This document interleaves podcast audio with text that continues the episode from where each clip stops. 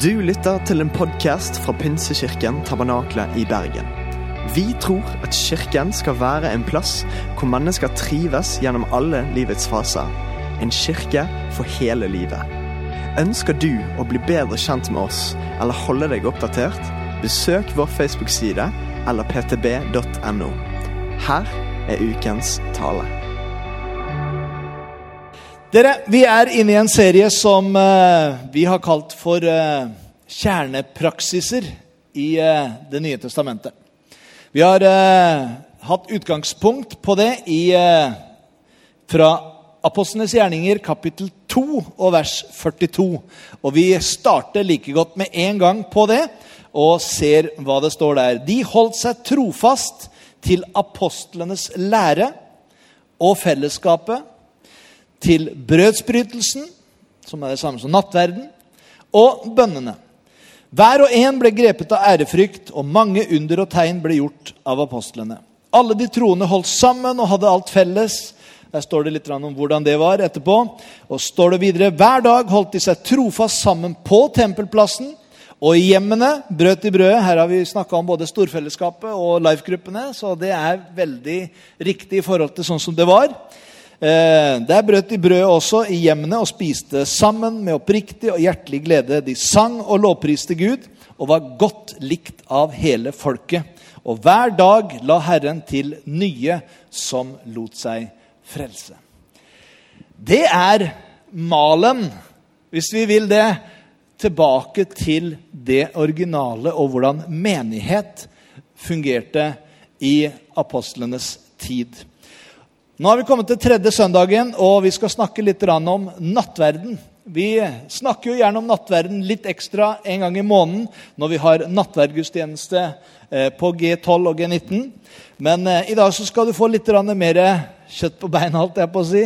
Litt mer undervisning eh, om hva er egentlig dette her med nattverden. Hvorfor feirer vi nattverd? Hva er greia med nattverd? Hvorfor skal vi nå gjøre det? Og er det sånn at vi da spiser Jesu legeme og drikker hans blod ordentlig, liksom? Eller eh, hvordan er dette her? Vi skal se litt på disse tingene eh, og håper at du skal kunne litt mer om nattverden og nattverdens betydning når vi går ut herfra i dag. Det brukes litt forskjellige ord og uttrykk for å snakke om hva nattverden er, eller Bibelen bruker også litt forskjellige uttrykk på det. Herrens måltid blir eh, brukt eh, ganske ofte, bl.a. i 1. Korinterbrev 11. Og Herrens nattverd betyr da et måltid innstiftet av Herren Jesus Kristus og er til minne om Han. Og Ordet nattverd, på gresk deipnon, er egentlig aftensmåltid, eller hva vi ville kalt for kveldsmat og ble brukt eh, av jødefolket om den, det måltidet som de har. Det er på en måte deres middag. Det spises på kvelden. Litt sånn som i eh, Spania og Sør-Amerika og middelhavsområdene. Det er for varmt å spise middag midt på dagen, så når liksom kveldssola har gått ned litt, da spiser man et godt måltid. Og det er det måltidet som eh, det vises til her når det snakkes om nattverd. Så det er ikke midt på natta, men det er liksom kveldsmaten. Det blir også brukt uttrykket 'brødsbrytelse'. Verbarformen for å bryte brød. altså Det kommer jo derifra. Brødsbrytelse. Eh, og forekommer også gang på gang i apostlenes gjerninger, og i første korinterbrev så bruker man de litt om hverandre. Brødsbrytelse. Første Korinterbrev, Paulus snakker også om eh, Herrens beger og Herrens blod. Eh, velsignelsens beger snakkes det om. Eh, og i det andre århundret så ble det ofte nattverden også kalt for takksigelsen. Eller det som vi etter hvert kjenner mer som eukaristi i teologisk sammenheng hvis det er noen som har studert teologi, så betyr egentlig eukaristi er takkebønn før nattverd. Det er egentlig ordet eukaristi. Blir også brukt av og til for nattverden generelt. Men egentlig er det sangen som var i forkant av nattverden. Men vi skal ikke ta en runde på alle de forskjellige i dag. Vi holder oss til nattverd eller brødsbrytelse og forklarer litt hva er hensikten med det. Hvorfor feirer vi nattverd? Jeg tenker at Hvis vi skal forstå nattverden, så trenger vi også forstå litt av konteksten i nattverden. Først ser vi at nattverden er innstiftet av Jesus. Selv i den natt da han ble forrådt, tok han et brød, takket, brødet, ga dem og sa. Da viser det hen til skjærtorsdag, den kvelden Jesus satt med disiplene. Siste kvelden han var sammen med dem. Og der er det han innstifter nattverden. La oss si på ny. For det var ikke sånn at man ikke hadde denne kveldsmaten til minne om før. Men det, den bare mintes noe annet før den dagen her. Og hva var det noe annet som han gjorde da? Jo, jødene de feira påskemåltid på den måten der. Og nattverden ble på en måte avløst av dette påskemåltidet. Og dette påskemåltidet, det er noe som eh, jødene fortsatt feirer til minne om bl.a. utgangen av Egypt. Ifølge den eh, lærde jødiske doktor Alfred Edelsheim fra 1825 til 1889 så ble påskemåltidet på Jesu tid feiret på følgende måte. Det kan være litt interessant for oss å få litt kontekst i hva man gjorde. For eh, Når du leser evangeliene, så står det liksom noen steder så tok han begeret, og så tok han brødet, og så tok han på nytt begeret. Så tenker jeg, ja, men vi har jo bare ett beger og ett brød. Og, så, hva er greia liksom? Hvor, hvorfor står det litt forskjellig her? Eh, og det kan jo forvirre oss litt. Men da kan vi forstå det bedre hvis vi forstår konteksten av hvordan jødene feira påskefeiringa si. Etter at alt var gjort ferdig, høytiden var klar og folket var samla til fest, så skjenka husfaren i det første begeret med vin og takker Gud. Det er det første som skjer når de setter seg ned. Og man drakk det, og husfaren ledet hele festen. Og det begynner, og alle de andre fulgte etter. Og vinen den besto av alminnelig rød druevin blandet med vann. Den skulle ikke være sterk, det skulle ikke være som man ble full av det. Det skulle være en minne Altså noe de brukte til maten. Etter det første begeret med vin så var det tradisjon at da skulle man vaske hendene. Og husfaren holdt en bønn. Å vaske hendene var fast regel foran alle måltidene. og det vil du se Når du leser evangeliene, så reagerte av og til de skriftlærde og fariseerne på hvorfor ikke disiplene vaska hendene før de spiste. Når de var ute i åkeren for eksempel, og tok korn og spiste. For De må jo alltid vaske hendene først. Altså, De var veldig sånn lovryttere på akkurat det. Og det har de også i dette. Og Det var visstnok i dette punktet at Jesus bøyer seg ned og vasker disiplenes føtter.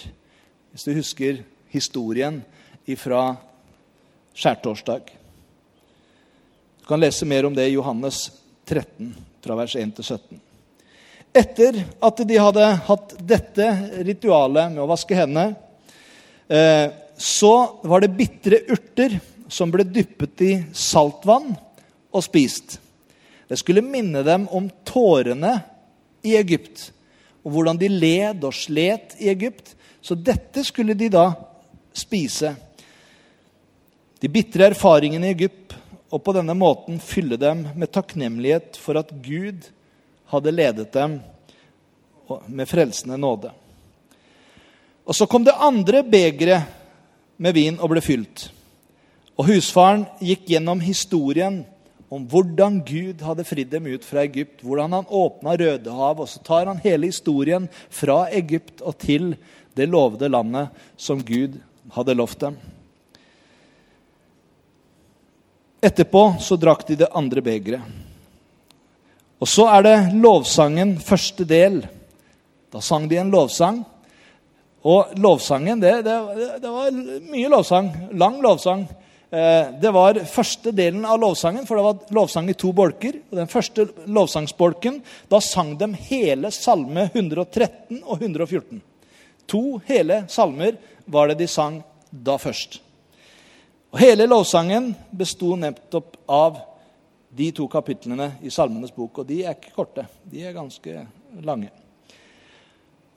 Og så, etter at de hadde gjort det, så fortsatte de på en måte med ritualet. Og da var det det som ble kalt for brødstykke.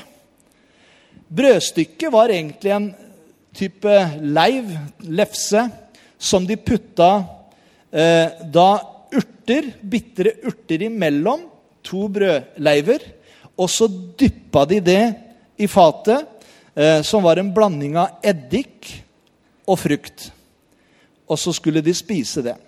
Og dette eh, var stykket som, eh, hvis dere husker Jesus' disipler etter at Jesus hadde sagt at én en av dere kommer til å forråde meg i kveld, så spør Peter og de andre spør Jesus hvem er det og Johannes, som alltid pleide å sitte nærmest, sendte dem liksom spørsmålet til spør hvem det er. Og så sier Jesus, den dere ser dyppe i fatet sammen med meg, han er det. Og Så gir Jesus brødet til Judas Iskariot, som dypper i fatet sammen. Og så står det at umiddelbart etter det så går Judas ut av rommet. Er det noe interessant der? Få en liten sånn tilbakeblikk på hva var det som skjedde den dagen. Og så kom påskelammet. Da ble det spist. Hovedretten. Og etter at påskelammet var spist, så kommer egentlig den delen som vi har tatt vare på videre i det vi har som nattverd. Det usyrede brød ble velsignet og brutt og delt omkring som en slags dessert. I forbindelse med dette brødet innstiftet Jesus nattverden. Når det står han delte brødet, takket, ga dem og sa. Og så er det det tredje begeret med vin ble skjenket i, og de takket Gud for og sendt rundt. Og dette kalles for velsignelsens beger. Til dels fordi det var ledsaget av en særskilt velsignelseshandling, hvor han da velsignet dem etterpå. Og til dels fordi det sluttet seg til umiddelbart til takksigelse etter måltidet. Og dette begeret er det begeret som vi på en måte har som et takksigelsesbeger i nattverden. Og etter at det var ferdig, så sang de andre del av lovsangsbolken, som var salme 115 til 118. Det var salmen de sang. Og så står det at eh, da de hadde sunget lovsangen, gikk de ut. Og da går de til Getsemane, og så fortsetter hele kvelden. Disiplene som rømmer, som blir redde. Judas som forråder Jesus. Peter som fornekter at han kjenner Jesus, osv. Og, og så går vi inn i langfredagens tortur og opplevelse ved at Jesus gir sitt liv for alle. Så påskemåltidet skulle minne Israel om deres utgang av Egypt og Guds frelsende nåde. Og det skulle gjentas hvert år for at denne frelsen skulle stå stadig for deres blikk, at de skulle huske på det. Og Samtidig så skulle det peke fram imot den Messias som profetene hadde lovt skulle komme og en dag ta verdens synd på seg og være det offerlammet som Gud sendte. Dette måltidet strekte seg gjennom hele den gamle pakt og ble avløst av nattverden som den nye pakts måltid. Og skal inntas gjennom hele den nye pakt inntil Jesus kommer igjen.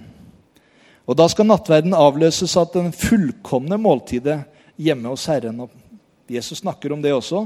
Lammets bryllupsmåltid i himmelen. Så det er konteksten, bakgrunnen, for hvorfor har man noe man kaller nattverd. Jo, fordi det var en tradisjon som ble holdt fram til Jesus kom. Og da innstifter Jesus på en måte nattverden på ny, med et nytt innhold og en ny verdi i forhold til det. Og Vi skal se litt på akkurat det. Herrens nattverd blir innstiftet, og vi skal se på fire vers eh, som eh, snakker om akkurat dette her. Først i Matteus 26, fra vers 26. Du får det opp på skjermen, tror jeg. Mens de holdt måltid, tok Jesus et brød, takket, brødet, ga disiplene og sa, ta imot og spis. Dette er min kropp. Og han tok et beger, takket, ga dem og sa, drikk alle av det. For dette er mitt blod, paktens blod, som blir utløst, utøst for mange, så syndene blir tilgitt. Jeg sier dere, fra nå av skal jeg ikke drikke av denne frukten, frukten av vintreet før den dagen jeg drikker den på ny sammen med dere i min fars rike. Og da de hadde sunget lovsangen, gikk de ut til Oljeberget.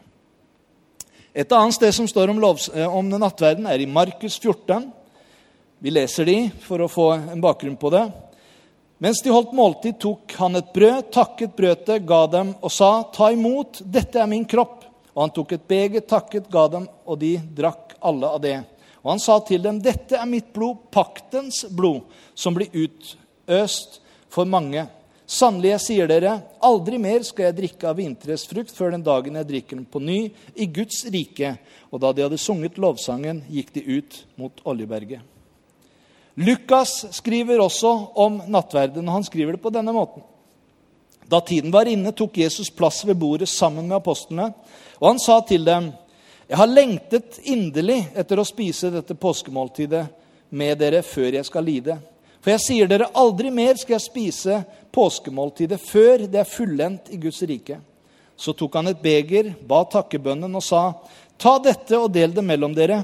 For jeg sier dere, fra nå av skal jeg aldri mer drikke av vinterets frukt før Guds rike er kommet. Så tok han et brød, takket og brøt det, ga dem og sa, dette er min kropp som gis for dere. Gjør dette til minne om meg.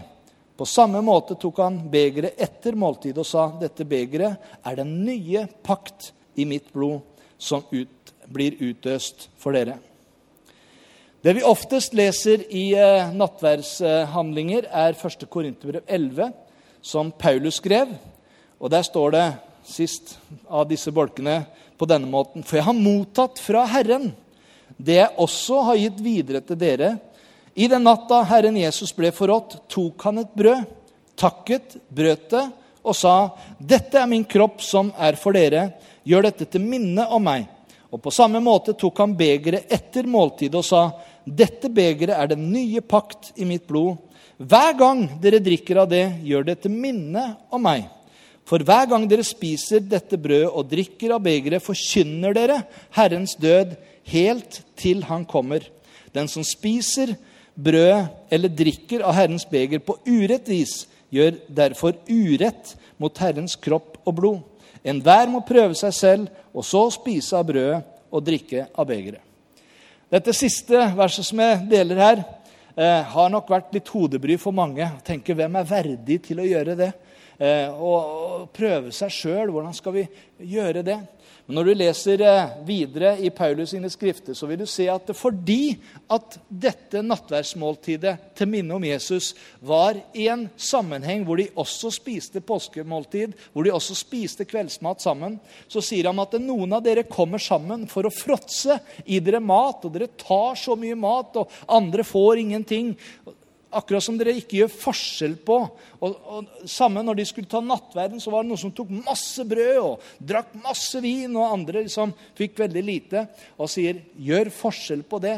Når du vil dele nattverd, så er det et minnemåltid om Jesus. Og da er det viktig at vi gjør det i ærfrykt til minne om han. Derfor så har du disse tingene som han snakker om. Men legg merke til at innstiftelsesordene i disse fire forskjellige bibelversene som vi har lest, er litt forskjellige i de forskjellige beretningene. Men de motsier hverandre ikke. De bare utfyller hverandre og viser på en måte en helhet i hva egentlig nattverden handler om.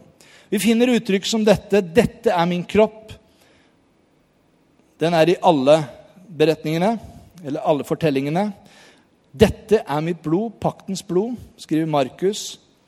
Og dette er mitt blod, paktens blod, skriver også Matteus. Eller dette begeret er den nye pakt i mitt blod, som Lukas og Paulus skriver. Dette kan bety at brødet og vinen representerer, fremstiller og symboliserer hans kropp og hans blod. Den bokstavelige betydningen er jo umulig. For Jesus satt jo der. Det var jo ikke sånn 'Kom, spis meg'.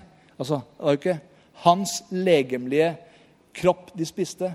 Men brødet skulle være et symbol for hans kropp som skulle lide og dø for oss.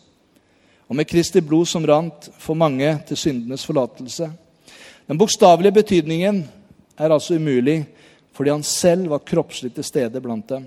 Og fordi han også sier at begeret er en ny pakt, som bare kan bety at den representerer en ny pakt som skulle begynne. Matteus skriver 'så syndene ble tilgitt'. Er det sånn at eh, man får synstilgivelse når man deltar i nattverden? Disse ordene går ikke tilbake til nattverdshandlingen, men til Kristi blod, som rant for mange til syndenes forlatelse. Det er ikke nattverden som frelser, men det er Jesus som frelser. Og det nattverden gjør, er at den fokuserer på Han som ga sitt liv og sitt blod for oss, for at vi ved Han skulle bli frelst. Og Dette er det grunnleggende bibelske tanke. Frelse ved Jesu blod som ble utgitt på korset. Og Så har du det tredje uttrykket som kommer fram i Lukas og Paulus. Det, gjør dette til minne om meg, skriver de to. Så det er et minnemåltid.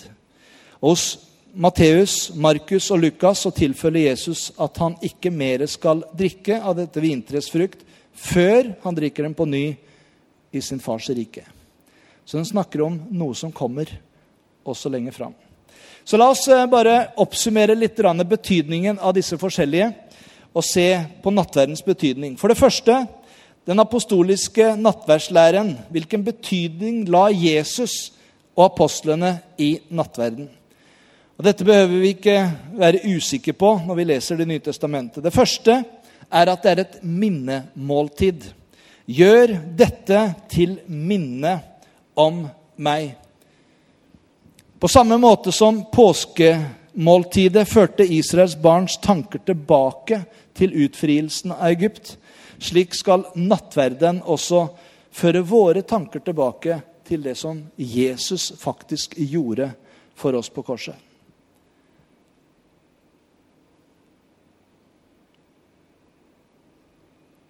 For syndenes forlatelse og ved hans død og den nye pakts innstiftelse og den gamle pakts oppfyllelse. Den gamle pakt så måtte de slakte et lam, et dyr, hvert år for å dekke over syndene til israelittene ett år. Men når Jesus kommer, så ga han sitt liv for at vi en gang for alle skulle få lov til å oppleve frelse gjennom han. Det andre er at det er et fellesskapsmåltid. Fordi det er ett brød, er vi alle én kropp, skriver Paulus videre i 1. Korinterbrev 10. For vi har alle del i det ene brødet. Og Når han her snakker om brød, så er det overført betydning. Vi har alle del i Kristus.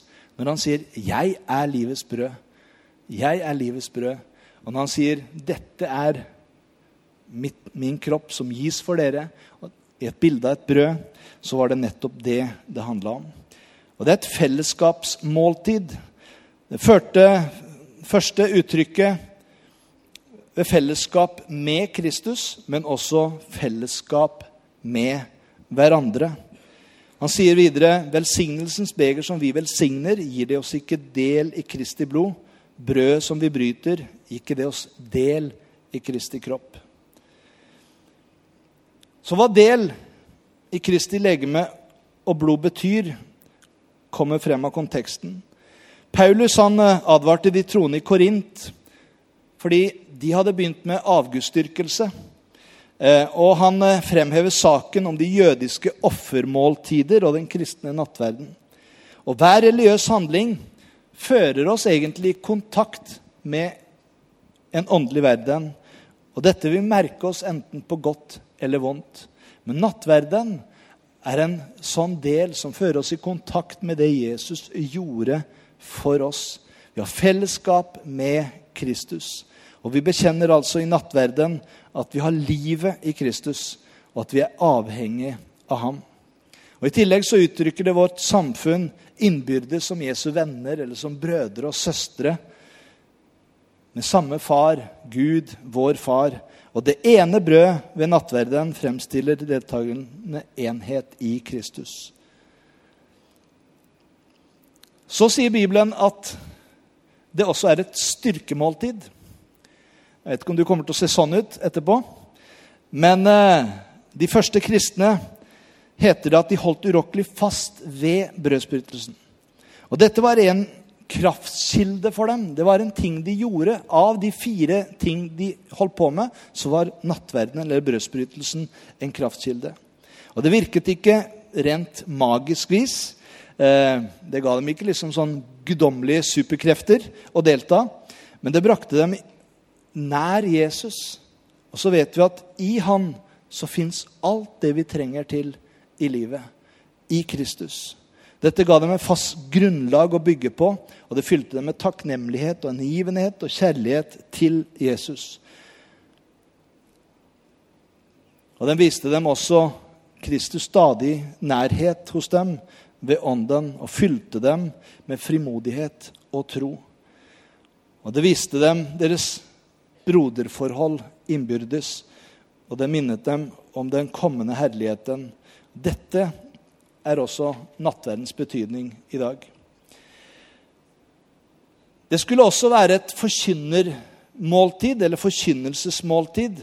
Hver gang dere spiser dette brød og drikker av begeret, så forkynner dere. Dere preker om Herrens død helt til han kommer. Så det å delta i nattverden er en forkynnelse i seg på, som påminner oss om det Jesus gjorde. Vi må ta et par til. Vi nevnte at Jesus sa at 'jeg skal ikke spise det igjen før jeg gjør det i min fars rike'. Så la oss også kalle det for et himmelmåltid. Sannelig, jeg sier dere, aldri mer skal jeg drikke av vinterets frukt før den dagen jeg drikker den på ny i Guds rike. Vi kan også kalle det for et profetisk måltid, i samme med himmelsk måltid. Den peker fram til lammets bryllupsmåltid i himmelen. Til den store samlingsfesten med Jesus i Guds rike. Og Johannes' åpenbaring 19,9 sier at Og engelen sier til meg, skriv, salig er den som er innbudt til lammets bryllupsmåltid. Og han la til, dette er Guds sanne ord. Han har forberedt noe spesielt for oss. Og profetisk fordi nattverden er innstiftet av Jesus selv. Han har befalt sine disipler å gjøre dette helt til han kommer igjen. Og den har stor betydning for de troendes åndelige liv. Og så symboliserer den de første guddommelige og evige, uforanderlige sannhetene. De må troende holde urokkelig fast på den og bruke den flittig inntil misjonen er oppfylt og den symbol er byttet ut med virkeligheten i Guds rike når vi er framme.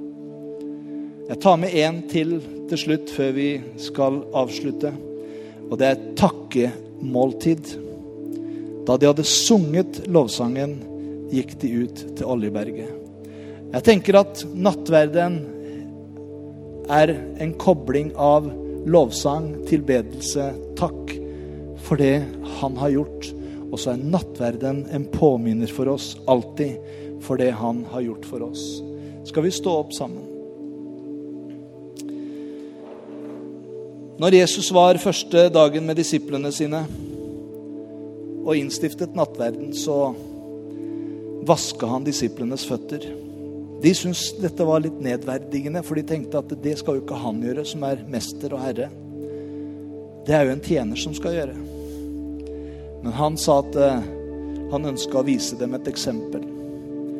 Nå var det sånn at På den tida så gikk de i sandaler, og det var støvete og skitne veier der hvor de gikk. Og det var vanlig at man hadde noen tjenere som hadde fotvask idet de skulle inn på tepper osv. i hus. Men eh, han bøyer seg ned og gjør det. I dag har vi kanskje ikke så mye problemer med skitne bein som må vaskes. Men jeg tenker av og til så trenger Jesus allikevel å få våt til å vaske oss rene. Det kan være ting i livet vårt som trenger å gjøres rent. Kanskje vi ikke er så ulike disiplene av og til. Så når eh, trykket kommer, og venner spør er du en sånn halleluja-type du òg, eller? Går du borti kjerka der og synger? Det kan være lett å si jeg vet ikke hva dere snakker om. Jo, jeg har sett at du går borti marken der og går inn i det der smuget der og inn i kjerka. Nei, jeg aner ikke hva du snakker om. Og Vi kan kanskje til og med av og til banne på at vi ikke er kristne, for å liksom Er vi så mye bedre? Eller når vi blir satt under press, at det er så mye enklere å bare fortelle en hvit løgn som vi etterpå angrer veldig på, for vi vet ikke helt hva som skal komme ut av den. Jeg tenker at livet vårt har ting av og til som vi trenger å bare få lov til å komme til Jesus med og si Jesus, kanskje ikke har skitne bein, men jeg har en del skitne tanker. Jeg har en del eh, ting som jeg kanskje ikke burde gjøre. Men det fine med Jesus og det han gjorde for oss, og det nattverden belyser og minner oss på, det er at det fins ingen fordømmelse for den som er i ham. Men Den hellige ånd vil kanskje minne oss på ting som vi trenger å komme til han med og si, 'Jesus, jeg klarer meg ikke uten deg. Din kraft og din nåde. Kan du komme med din hjelp? Kan du rense meg? Kan du fylle meg med deg?'